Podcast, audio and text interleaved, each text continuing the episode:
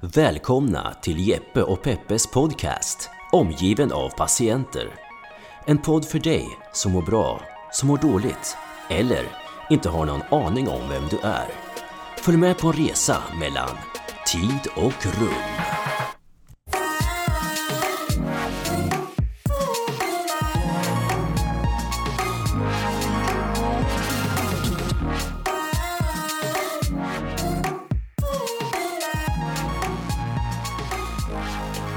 Hallå, hallå och välkomna till podd Hallå. nummer Hallå. fem, tror jag. Det är det? Mm. Ja, vad kul. Ja, vi har fått mycket respons där ute. Hej och välkomna hit. Härligt. Tillbaka nu efter ett litet break. Ja, lite sommarbreak. Kan man inte klaga på någonting så kan man ju klaga på hettan. Vad händer idag då, Peppe? Idag är vi faktiskt eh, i Norrköping på någonting som heter Sportcenter. Stämmer det? IFK Performance Center. IFK Performance Center. Ett jättefetegym i centrala Norrköping. eh, Där det finns eh, allting som har med fys och hälsa och allting runt omkring kan jag säga. Och vi har en gäst med oss också. Som jag bjudit in. Som vi ska presentera här. Eh, hej! Hej! Välkommen hit! Tack så mycket att jag får vara med. Ja. Tack för det här. Vi har Ksenia här och eh, jag är jättenyfiken på Ksenia. Eh, du jobbar här. Det är din arbetsplats det här. Ja, stämmer. Ja. Och eh, vad gör du här i den här stora lokalen som inte slutar någonstans? Det bara fortsätter och fortsätter och fortsätter. Vad händer här? Händer massor. Berätta. Ja, vi är ju då ett um, idrottsgym som är öppet också för allmänheten. Så att vi har ju allmänheten också som medlemmar och idrottsklubbar och naturligtvis uh, uh, IFK Norrköpings A-lag. Fotboll. Fotboll, ja. Fast vi jobbar ju även med hockeyspelarna och um, tjejernas fotboll och allting. Ja. Så det känns jättebra. Vi är ju tre stycken personliga tränare eller coacher då, som jobbar på heltid med våra så kallade kunder. Ja, Eh, enskild, ja. Ja. Så att det är väldigt mycket allmänhet som köper personliga tränartimmar här hos oss och, och eh, går efter någonting som heter IFK-modellen där man då IFK-modellen. evidensbaserat testar folk först då och eh, säkerställer vad är det man kanske måste korrigera och hur man ska träna, vart, hur ska man börja och lite sådär. då. Eh, så att, den har blivit jättepopulär. IFK-modellen. Bra. Då ska jag göra så här. Då ska jag koppla ihop till våra lyssnare så fattar. För det var nämligen så här. När jag gick in i väggen för åtta år sedan så, så sa de till mig när jag kom till läkaren. Du ska träna. Och jag fattade ingenting. Eh, men det gjorde jag. Och det var det jag sa till dig eh, Jeppe också. Det första jag sa. Eh, tränar du någonting? Så att eh, syftet med att vi har dig nu här är att få reda på varför sa de till oss att vi skulle träna. Jag satte mig på en eh, spinningcykel och började blåcykla som en dåre. Jag visste inte varför. Men eh, det gjorde säkert sitt till. Och du började kuta. Och har man gått in i väggen och är utbränd så är det kanske sista man tänker på att man ska ut och börja flåsa. Men jag fattar ju det direkt att det gjorde någonting. Och vad, vad hände med dig? Ja, det, jag vart ju piggare. Sen så kan, tror jag inte att jag hade lika stor effekt som just dig. Men, eh, för jag, jag sprang ju innan och efter också, så det var ingen så här Ja. grej att jag bara, och nu ska jag börja springa, utan det gjorde jag innan också. Men du märkte ju verkligen en stor effekt av det. Ja. Och sen så när jag, sprang ju, började springa nästan varje dag ett tag. Och då märkte man ju en, en skillnad på att man, ja, man vart lite piggare i skallen. Ja. Men eh, jag har inte lika extrem positiv effekt som jag tror många andra haft. Ja. Och det kanske är för att jag tränar kortare pass och att jag, jag gick ut och sprang lite bara. Jag Ja. gick inte till något gym eller så heller. Och jag hade ingen specialist som Ksenia är, som hjälpte mig. Så nu måste vi fråga Ksenia, varför skickar de ut oss och träna? Och varför har vi att det första de säger till en att man ska röra på sig fysiskt? För jag kommer ihåg, många är ju, många ligger ju faktiskt bara och tittar och kan inte ur sängen ens. De, alltså det är godnatt, svart. Precis. Vad, vad händer? Du, vad, du har sådana patienter? Som, Jag har, jag har några sådana kunder. Och Ja. nu är det vä- väldigt viktigt att säga på en gång att allting sker på den individuella basen. Så det är den individen som står framför dig. Det är så man ska arbeta även när det gäller folk som kanske har lite har gått in i väggen och lite sådär. Och så är det aldrig en människa lik den andra. Nej. Och jag tror nog att vi har lyckats här just med detta. Att adressera individen som står framför dig och dess situationer och upplevelser och så. Och sen att man kanske går varsamt fram. Det är ju jättebra att träna hårt, absolut, det säger jag ingenting emot. Men rent fysiologiskt tränar man hårt så engageras både hjärtat och lungorna och hjärtat klappar fort och sådär. Och mår man då lite psykiskt sämre så lyssnar man på de här klappningarna och sådär. Så man ska ta det lite från början. Du har ju börjat löpa lite långsamt och fint och mjukt. Inga problem. Eh, klarar man kanske rent fysiskt av att ha varit tränad innan man har kanske gått in i väggen. Ehm, ehm, så är det jätteviktigt att backa lite. Och sen tycker jag att det är viktigt att lyssna på människor som står framför mig. Så att jag är rädd för att cykla 20 minuter för jag klarar inte av det. För då hör jag mitt hjärta hur den klappar och hur den går fort och lite sådär. Och hur ska jag börja? Och då får jag som, inte expert, men som människa också lägga mig på den nivå där jag ser att människan stannar kvar sen. Så att vi börjar Ja, det finns så mycket olika vägar att gå. Men låt oss säga om vi ska köra med konditionsträning med en människa som har varit kraftigt eh, utbränd och som du säger ligger nere verkligen och har dratt ner gardinen och så. Så kan man ju kanske börja med en minut cykling, en minut vila och prata, nästa minut cykling, nästa minut vila och prata och så kan man bygga så. Jag förstår, allt är individuellt. Ja, Eh, Men just det här att någon form av fysisk aktivitet hör man och läser man att det, är, det har en positivt bidragande verkan. Och jag försöker förstå vad händer med kroppen. Ja. För att man blir ju trött av att träna också eller röra på sig. ja. Men det är någonting man vänder på. Precis, vad är det som händer? Vad är det vi får? Vilken um, hormonpåslag får vi när vi har rört oss? Det heter någonting. Endorfin. Endorfinerna, ja. Och endorfinerna är ju någonting då som påverkar lite substanser i hjärnan att vi mår bra. Eh, Efter en stor ansträngning eller vilken ansträngning som helst så får, kommer endorfinerna och då mår vi ju bra och då slappnar musklerna av eh, på ett helt annorlunda sätt. Du får ju en fin syresättning till kroppen vilket innebär att musklerna också får syresättning och behöver inte spänna sig. Så det just finns det. många plus i himmelen. Just det. Och ehm, För vi hade ju också det här med eh, avslappning som eh, Ja. jag fick praktisera, som jag lärde ut till, till Jeppe och att du skulle slappna av med en app. Så det var också någonting, lära känna sin kropp och Helt andas korrekt. och sånt här. Så där gjorde vi också rätt fast vi inte visste riktigt vad vi gjorde. andningen är också väldigt viktig. Det beror helt och hållet på vart man ligger i, i, ja, i sin situation och hur, det, hur det känns. Då. Så, att, ehm, så då handlar det inte bara om fysisk träning. Men det är ändå fysisk träning. Allting är ju träning så fort du gör så. Då rör du dig. Så det är jätte, jätteviktigt. Precis. Att gå bara, ut och gå. Gå och, speciellt om man är ute i skogen där vi har träd och, och naturen som talar till oss. Och, Ja. fåglar.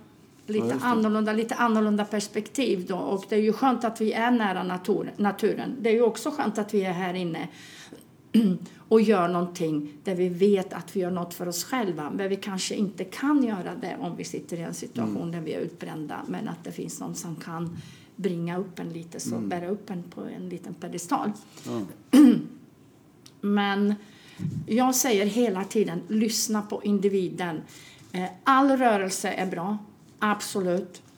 Allting sprutar på endorfinerna vad vi än gör, men vi måste ändå lyssna på människan som står framför oss. Så självklart som sjukvården säger, ni ska ut och röra er och lite sådär. Och, men alltid reflektera, så här kanske jag kan börja och så här kanske jag ska göra.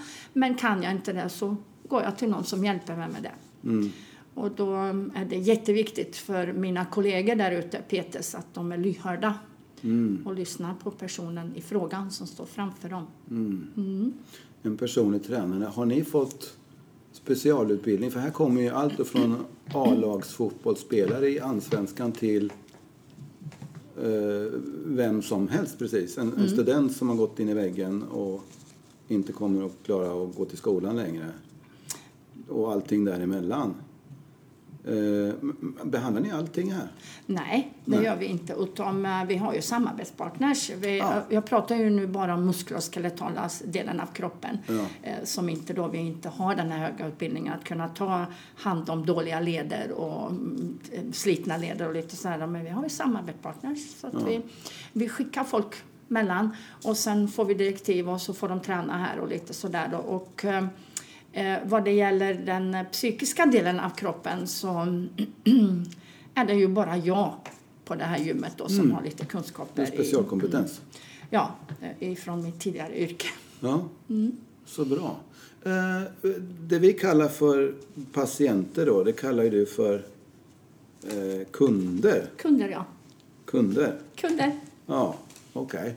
Eh, om en sån eh, tar kontakt med dig här från gatan, hur, eh, vad gör man? Hur fungerar det när man kommer in som kund, patient, slash till dig? Ja, eh, vi har ju då, vi bokar en intervju med människan i frågan. Oavsett vem det är. Ja. Så sitter vi och pratar och tar reda på lite saker. Eh, som sagt va, mm, lite om eh, bakgrund, medicinska bakgrunden just med de här organen som är involverade i träning som hjärta och lungorna och alla leder och lite så. Så får reda på lite där med olika andra saker som kan påverka träning. Och sen gör vi ju utvärderingstester Aha. och i den här första intervjun så kommer det fram saker och ting Ja. som sen då vi får sortera lite och säga det här kan vi ta hand om eller det här ska först kanske den och den ta hand om och sen kommer de tillbaka till oss och lite sådär. Och så den intervjun är ju väldigt viktig. Det låter som en screening. Det är en screening, ja. Okej. Kallas för screening. Och det var det? Okej. Ja. Så att vi, sen gör vi ju naturligtvis rörlighetstester och fysikaliska tester och konditionstester, kroppssammansättningstester för att se hur folk ligger till nu, nollläge. Och sen gör vi inga jämförelser där vi då använder maskiner som säger att en viss grupp av människor som är si långa, så mycket vikt nu ska ha si och så mycket fett eller muskler i kroppen. Inget sånt, Nej. utan allting är evidensbaserat och jämför personen i frågan med sig själv så småningom. Ja. Så att man tittar inte på allmänna resultat utan man försöker verkligen Ja, adressera. Så att just i den intervjun och, och den där screeningen kommer det ju fram då olika saker som får då ge oss lite riktlinjer. Mm. Och det kan då leda vidare till att vi tror att vi kan ta hand om det här men vi tror att du patient slash kund ska prata med någon eh, psykolog eller något sånt där. Ja, där, där har vi då... ehm, ja, det har vi hittills inte haft. Jag har, Nej. ju precis, jag har ju precis nyligen haft då en kund som, eh, som jag fick faktiskt en recept ifrån psyko, psykiatrikern att det är en far, fysisk aktivitet på recept. Där han har skrivit vad är det vi ska göra allt sånt där då. Och vi är ju ett sånt gym där vi har då folk som har licens att ta emot FAR, fysisk aktivitet på recept, Wow. patienter. Eller kunder då. Ja, det. Så att... ehm, Men om jag ska säga som så, det är ju många människor som kommer hit som har på ett eller, eller annat sätt någonting psykologiskt. Det är väldigt mycket utseende ute och det är väldigt mycket så ska man vara, si så och si och så som kan vi är olika människor och vi tänker olika också och vi blir olika berörda av det som är i tidningar och sånt där. Så det är mycket sånt. Så väldigt mycket psykologi. Och att inte glömma att det ena fungerar inte utan det andra. utan mår jag bra psykiskt så kommer fysiken också vara bra. Och mår jag bra fysiskt så kommer psyket bli bättre. Så att de här två är tätt ihop med varandra och gifta med varandra. De står inte på varsitt håll. Så helheten är ju jätteviktig. Och naturligtvis så de som är utbrända och sånt där måste ju först ta olika andra steg innan jag tycker de ska ut och, och bara träna. Ja. Och det vet ju ni, ni har ju redan varit med om lite Jo. olika steg och så. Jo, för jag vet när man, när man är dålig så mår man inte bra. Och mår man inte bra så är ju frågan, vad gör vi nu? Det är där man behöver hjälp. Har du några frågor? Jag? Ja. Ja. Ja, jag har en fråga som är lite intressant. Du nämnde att du eh, jobbar med mycket, ja, med många, många som har psykiska besvär. Jag kommer ihåg själv när jag hade som mest ångest och när man skulle ut och springa. då så övade jag på att springa. Men när jag sprang med telefonen gick det bra. Men när jag sprang utan telefonen då, då trodde jag att jag skulle dö varje gång jag sprang. Ehm, och till människor som har panikångest och ångest, Mm. eh, hur jobbar du med dem för att kunna... För nu har jag i princip ingen ångest alls längre. Och jag Nej. vet inte riktigt hur den försvann, den bara försvann Mm. en dag. Eh, men hur jobbar du med människor för att få bort... För jag antar att du har gjort det, som har panikångest och ångest. Eh, jag antar att det är att man kör sakta, men Absolut, men här är det ju så att jag får se till att jag får finnas till då. Att de inte kommer hit och, och tränar för mycket själva. Just det där Just det där med panikångesten som är jättesvårt att sitta på en cykel bara och känna hur eh, pulsen går upp och man blir alldeles eh, Ja, då tror man nästan att man ska dö. Så att här är det ju, det är bra strategier det du hade i och med att du sprang själv. Men här har vi ju den möjligheten att vi kan hjälpa människan att vara med. Styra av lite. Och det har ju hittills gått bra. Men som sagt var, det är ju väldigt individuellt. Och är de riktigt i sämre skick så kanske de inte hittar hit. Det tror jag nog inte att de gör än. Nej. Nej. Jag tänker, ja, om man också, för då kanske om de kommer hit och vill bli av med sin ångest kan det bli så att de blir beroende av dig också på ett sätt. Att, eller har du en teknik för att eh, lära dem att eh, handskas med de här eh, Absolut. känslorna själva också? Mm. Nej, precis. Utom, ehm, nu när det gäller träning så är det ju väldigt bra för man kan ju alltså uppmuntra människor att ta ansvar för en viss del av träningen själva. Det som är lätt, det som till exempel ligger i maskiner som ger dig bra stöd och du behöver inte tänka mycket och sånt där. Och då kan man ju styra av det lite till det där och kanske säga att det skulle vara kul att du kommer hit också några gånger själv. Jag är ändå här men jag kanske inte behöver vara närvarande precis. Så hittills har det ju gått jättebra men man får ju styra in det lite långsamt. Och det, det har jag gjort hittills på de här som, som har varit och det har varit ganska bra. Ehm, eh, som sagt, de, ofta så kommer de så börjar man väldigt hårt. Och det är inte det vi ska, vi ska inte jobba hårt med någon. Varken de har någon komma eller inte. Vi ska alltid jobba klokt och gå ett steg i taget för att inte ramla 20 steg bakåt utan bara fortsätta kliva. Så, att, mm, så ungefär så. Jag har ju avstyrt, jag vet inte det, det bara är så. Jag, vet, inte, jag får dem till att komma hit och träna själva. De får ju program. Självklart så får de ju program som jag har designat och allting står hur de ska göra. Det är lättare för dem. Plus att de tror kanske att det är jätteskönt. Jag får liksom få upp dem lite. Som sitter där. Så när de kommer hit så ska de känna att hit kommer ni, här kommer ni att sitta på en pedestal och inte jag. Ja, just det. Och då, så småningom så blir det ju bättre, men det tar ju tid. Ja. Så mm, som jag, som jag sa, det, det tog lite tid med de här människorna som jag har haft, men det går bra.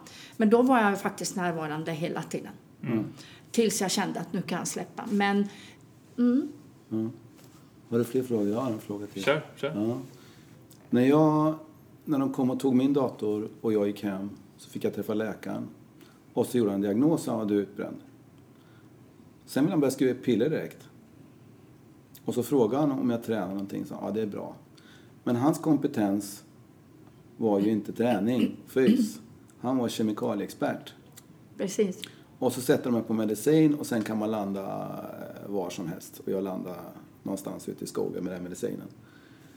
Ehm, Det är ju där jag tror och ser att folk hamnar. Innan jag kom hit idag så läste jag, gick jag in på Folkhälsoinstitutet och sa de 2014 så gick eh, 700 pers hem varje dag, året runt, på grund av utbrändhet. Det är fyra år sedan. Jag vet att 16 så stack det också iväg. Vi är kanske på 1000 idag som går hem varje dag, 365 dagar om året. Och helt slut. Jag vet inte hur många det kommer att finnas kvar på bänken snart, men det är sånt extremt problem. Och statistiken och kurvorna går bara åt fel håll varenda dag. Jag vet inte ska landa. Men då läkare. Ja, alla kommer förmodligen, de flesta, att handla hos en läkare. Och så är frågan vilka 80 piller vi ska välja. Men då har man inte löst problemet. För att vad jag säger, då får du kemi i kroppen. Jag kommer ihåg när jag tog mina första piller och hela kroppen stannade av. Det var precis som om någon körde hela mig genom ett filter. Och jag bara kände att jag fick kramp i hela kroppen. Och kände, oh shit, det händer någonting. Nu håller jag på att bli den här gröna hulken eller så här, kändes det som. Och sen satt jag ju där. Men jag var ju inte ur depressionen. Jag gick in i den här bubblan. Och sen så var jag i bubblan i, två år. Tills till läkare nummer tre sa att du, "Eh, det där råttgiftet, ska vi inte ta och sluta med det, sa de. Jaha, så jag, kan man det? Ja, det sa hon var det då. Och sen fick jag då sex månader på att ta mig ur det där och ställa om allting. Men fan om alla de här människorna ska in i, i det här kemikalieträsket. Alltså jag, jag tror det måste finnas andra vägar, eller om det är ett stöd till. Jag är inte riktigt hemma på det än. Men jag ser att eh, sjukvården är inte anpassad efter problemet riktigt. Vad säger du? Mm, Det är helt korrekt det där med kemin och stoppa in eh, piller i människor och eh, att det ska bli bra. Just på den psykiska delen av kroppen så är det egentligen inte bra. Utan man får hjälpa människor helt och hållet att ta sig igenom. Och det är det här med KBT-terapi tycker jag är väldigt bra. Där man går igenom utan kemiska processer i kroppen för mycket. Ja, finns det en fara för ens liv och lite sådär och jag vet inte, jag kan inte uttala mig om det för jag är inte den experten men eh, jag vet hur jag, jag själv skulle göra. Jag skulle nog vägra, även om jag var i en jättesvår situation skulle jag vägra att ta tabletter. Mm. Jeppe, man du dissade. Du gick inte på det. Och jag vet inte om det var smart i efterhand. Eh, Jag återhämtade mig relativt snabbt ändå. Men eh, det var ju många nätter som man låg och önskade att man haft en, en burk med piller. När man ligger och tror att man håller på att tappa förståndet helt eller att man håller på att dö eller något fel. Men sen så vart det, då var jag ju tvungen att möta varenda del. Varenda gång jag skulle dö så jag hade ingenstans att springa hela vägen.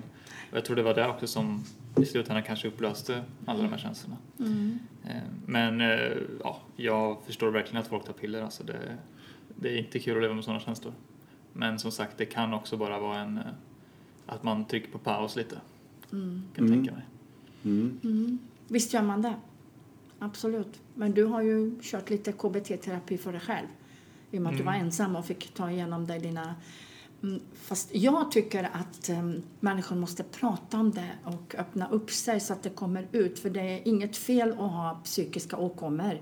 Det kan vi alla ha, för vi är ju alla on the edge. Det är ju så. Från ena stunden till andra så kan vi ramla dit. Så det är inte det, utan det är viktigt att man går igenom det tillsammans med någon och sen när det, ja, om ni tänker att någon ska avvänja sig ifrån jättedjup drogmissbruk, hur det kan vara. Hur svårt det kan bli när de inte får det de ska ha. Hur det kan bli. Det tycker jag att man ska göra allt på det sättet. Men då måste man finnas som stöd. Så är det ju.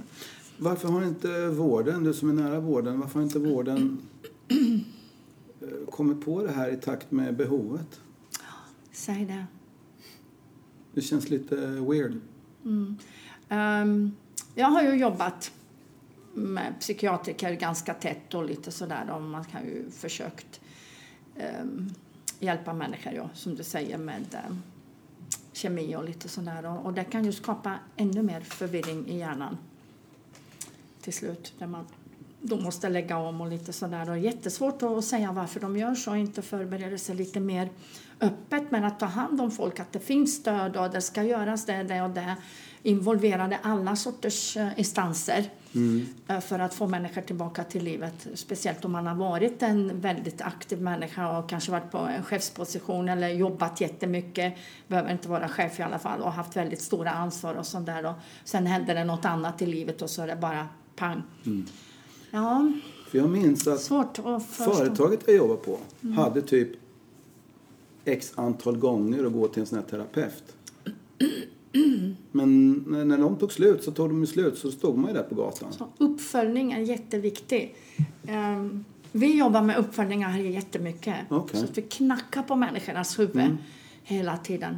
Det är dags för det, det och det och det. Så det tror jag nog att vi har lyckats bra med det. Uppföljningen är viktig. Man Ja, kan inte det. bara släppa utan Ja. Och sen då vad sjukvården inte hade, eller som jag hade tur att få, att komma till, det kallas primärvården, när man får träffa en KBT-terapeut. Men där var det ju fullt, så hade jag ju tur att få komma in. Jag tänkte på alla de som inte fick plats. Synd. Och det var ändå åtta år sedan när det var inte så katastrofalt som det var idag. Det är... svårt det där. Man, man skulle gärna vilja att folk tyckte om att läsa psykologi.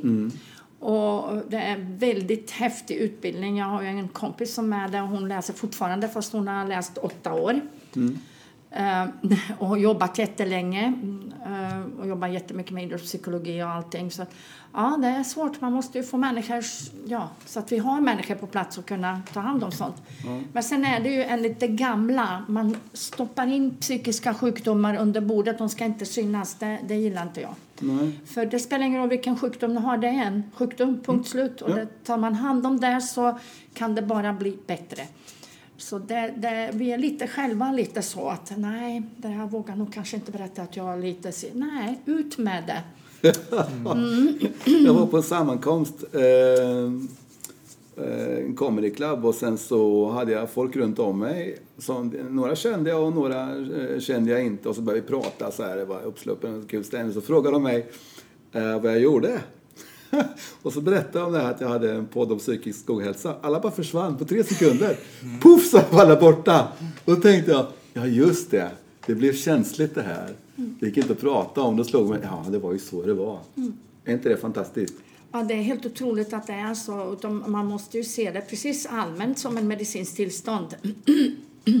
som man kan då kanske göra bra på olika sätt och kanske inte bara med tabletter och operationer och mm. allt som vi ser och kan ta på. Mm. Eller ja, du, jag vet att du har knäartros, jag vet vad jag ska göra. Mm. mm. Men knäartros kan också föranleda massa annat. Mm. Att jag går ner mig, i och med att jag inte kan röra mig och lite så här. Och helhet, helhet, helhet. Mm. Hela tiden. Men när du kom in också Jeppe, eh, med ambulansen. Ja, de såg att det inte blödde och så de på och gjorde hundra utredningar. Men Ingen ställde frågan, har du gått in i väggen? Nej, det, de Fattar frågade du? om jag hade ätit dåligt. Uh, ätit dåligt? Första, ja, om jag hade ätit dåligt. Eller att jag borde äta mer protein, sa de. Uh, och sen uh, skickade de hem mig. Men sen så dagen efter ramlade jag ihop igen. Och då så fick de lite mer prover, men och sa att de inte visste bara.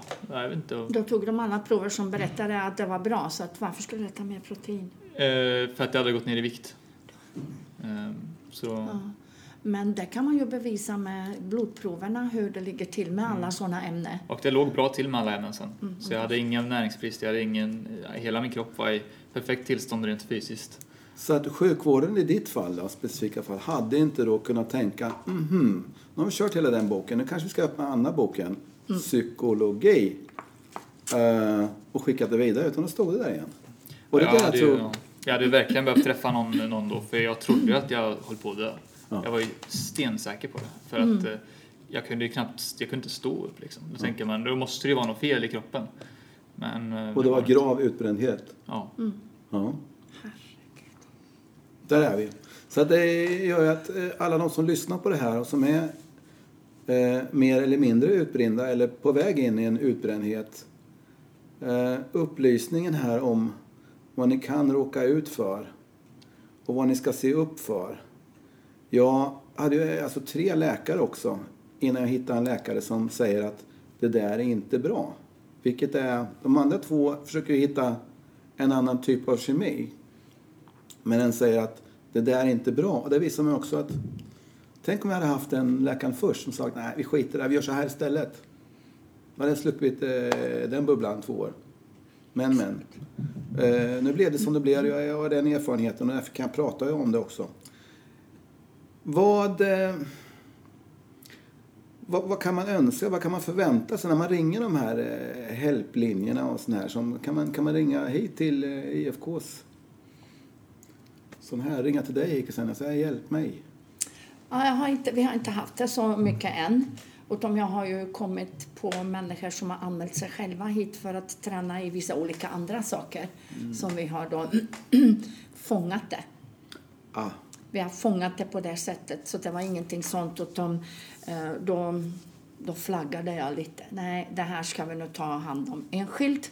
Och jag tar gärna det på mig. Och det har hittills gått bra. Men som sagt var, ehm, de vill ju gärna, de vill ju, de anmälde sig till olika grupper och mm. lite sådär. De kom mm. och skulle vara med grupperna och allt var jättefint och lite sådär. Och så pang sa det bara. Så det är så vi fångade mm. de här som vi har här nu då. och dit, hittills har det gått bra, men inte så att vi... Självklart så tycker jag att de kan gärna ta kontakt med oss på mm. IPC och om de nu tycker att vi ska hjälpa dem med, med rörelse. Mm. det finns ju så mycket rörelse man kan göra. Ja. Mm. Härligt. Det är dags att wrap it up. Det gick snabbt idag. Det är dags att wrap it up. Så jag Eh, tänkte, ja du får också, jag tänkte det skulle vara kul att höra några sista ord från dig som, som ett, ja, men ett så här vardagstips till alla för att hålla både det psykiska och fysiska i trim. Eh, Balans. Balans, ja. Har du något, eh, något sånt allmänt som alla skulle kunna göra nästan? Ja, jag har några punkter. Jag tycker att man ska tänka lite på sig själv. Det är inte fel att vara en snäll egoist. För när du har laddat dina batterier på ett bra sätt så kan du vara otroligt nyttig för alla andra utanför dig och i din omgivning. Så det vill säga ta hand om sig själv, äta mat som inte är skräp, utan som inte tillför någon kemi till oss, utan att vi mår bra, röra på oss där vi kan och där vi hinner. Det gör ingenting om vi hinner bara en eller en halvtimme i veckan så länge vi rör på oss. Så man ska aldrig säga att nej, jag hinner inte. Tio minuter här, tio minuter där, något sånt där. Var öppen mot varandra, ta hand om varandra. Och ehm, ja, vad ska jag säga mer? Ta hand om jorden. Ta hand om jordklotet. Den, den kommer snart att inte ta hand om oss om inte vi är snälla mot både naturen och oss själva. Så att, eh, och kom hit så hjälper vi er att vara starka människor. Toppen. Snyggt. Är du nöjd Peppe? Nöjd. Perfekt. Då säger vi så. Ja, tack för att du kom hit. Tackar. Tack, Tack, för tack. att jag fick vara med. Tack, tack. Och tack Hej. för att ni lyssnade. Ja, Hej då. hej, hej. Hej.